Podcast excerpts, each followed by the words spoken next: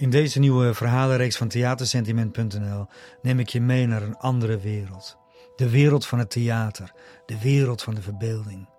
En in de wereld van verbeelding bestaat er geen tijd zoals wij die kennen.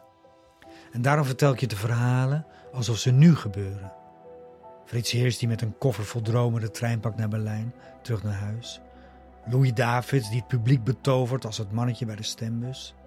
Fien de Lamar die een onbezorgde jeugd beleeft bij haar grootouders in Amsterdam.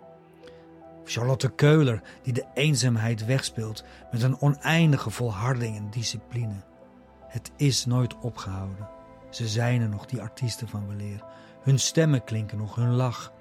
En het zweet en de tranen zijn diep in het oude hout gedrongen. En de verhalen houden de artiesten van weleer levend. En die wil ik je in deze reeks gaan vertellen. De verhalen van de artiesten van weleer. De verhalen uit het oude theater. Welkom bij theatersentiment.nl.